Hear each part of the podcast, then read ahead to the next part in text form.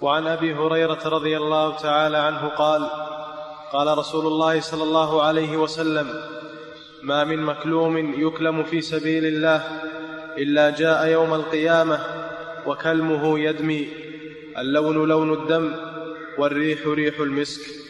ما من مكلوم يعني مجروح والكلم هو الجرح. الكلم هو الجرح.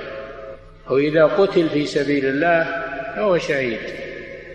وإذا لم يقتل لكنه جرح لكنه جرح في سبيل الله فإن جرحه فإن جرحه وما يخرج منه من الدم فإن هذا الدم يكون أثرا محبوبا عند الله سبحانه وتعالى فيأتي يوم القيامة يثعب دما.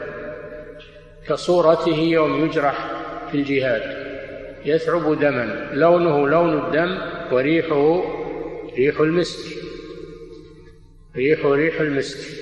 فهذا يدل على أن المجاهد إن قتل فهو شهيد وإن جرح فإن جرحه يكون له سمة وعلامة يوم القيامة. يكون له سمة وعلامة يوم القيامة يتميز بها على الناس. ويشم الناس منه رائحة المسك.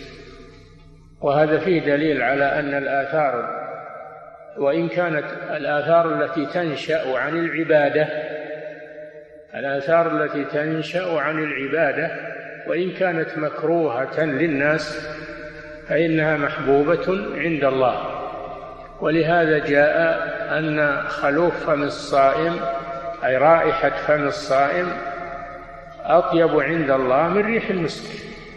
وإن كان الناس يكرهون رائحة فمه لأن معدته خالية يخرج منها أبخرة فيها رائحة لا يحبها الناس ولكن الله يحبها لأنها ناشئة عن طاعة الله. كذلك الدم.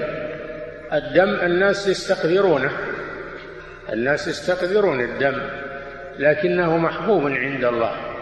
لأنه ناشئ عن طاعته سبحانه وتعالى. ناشئ عن طاعة الله. وكذلك غبار المجاهد. غبار المجاهد في سبيل الله. يأتي يوم القيامة ذريرة لأهل الجنة يتطيبون به. يطيبون بغبار المجاهدين في سبيل الله عز وجل. فالآثار الناشئة عن طاعة الله وإن كانت مكروهة للناس فإنها محبوبة عند الله سبحانه وتعالى. فهذا فيه فضل الجهاد في سبيل الله وفضل ما يصيب الإنسان. فضل ما يصيب الإنسان. الإنسان في الجهاد إما أن يقتل وإما أن يجرح وإما أن يرجع سالما وكل منهم له ثوابه عند الله سبحانه وتعالى. نعم. أحسن الله إليكم. سماحة الوالد يقول السائل إذا أصيب المجاهد في المعركة ثم نقل للعلاج وبعد يوم أو يومين توفي فهل يكون شهيدا؟ لا.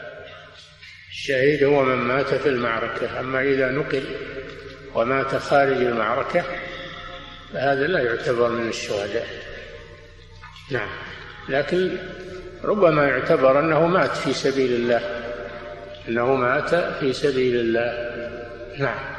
أحسن الله إليكم سماحة الوالد. في قول النبي صلى الله عليه وسلم ركعتا الفجر خير من الدنيا وما فيها. إذا مات خارج المعركة فإنه يغسل ويكفن ويصلى عليه ويعامل معاملة الجنازة. خلاف الذي يقتل في المعركة فهذا لا لا يغسل ويكفن في أثوابه ولا يصلى عليه لأنه شهيد عند الله عز وجل. فيختلف هذا عن هذا في الأحكام. نعم.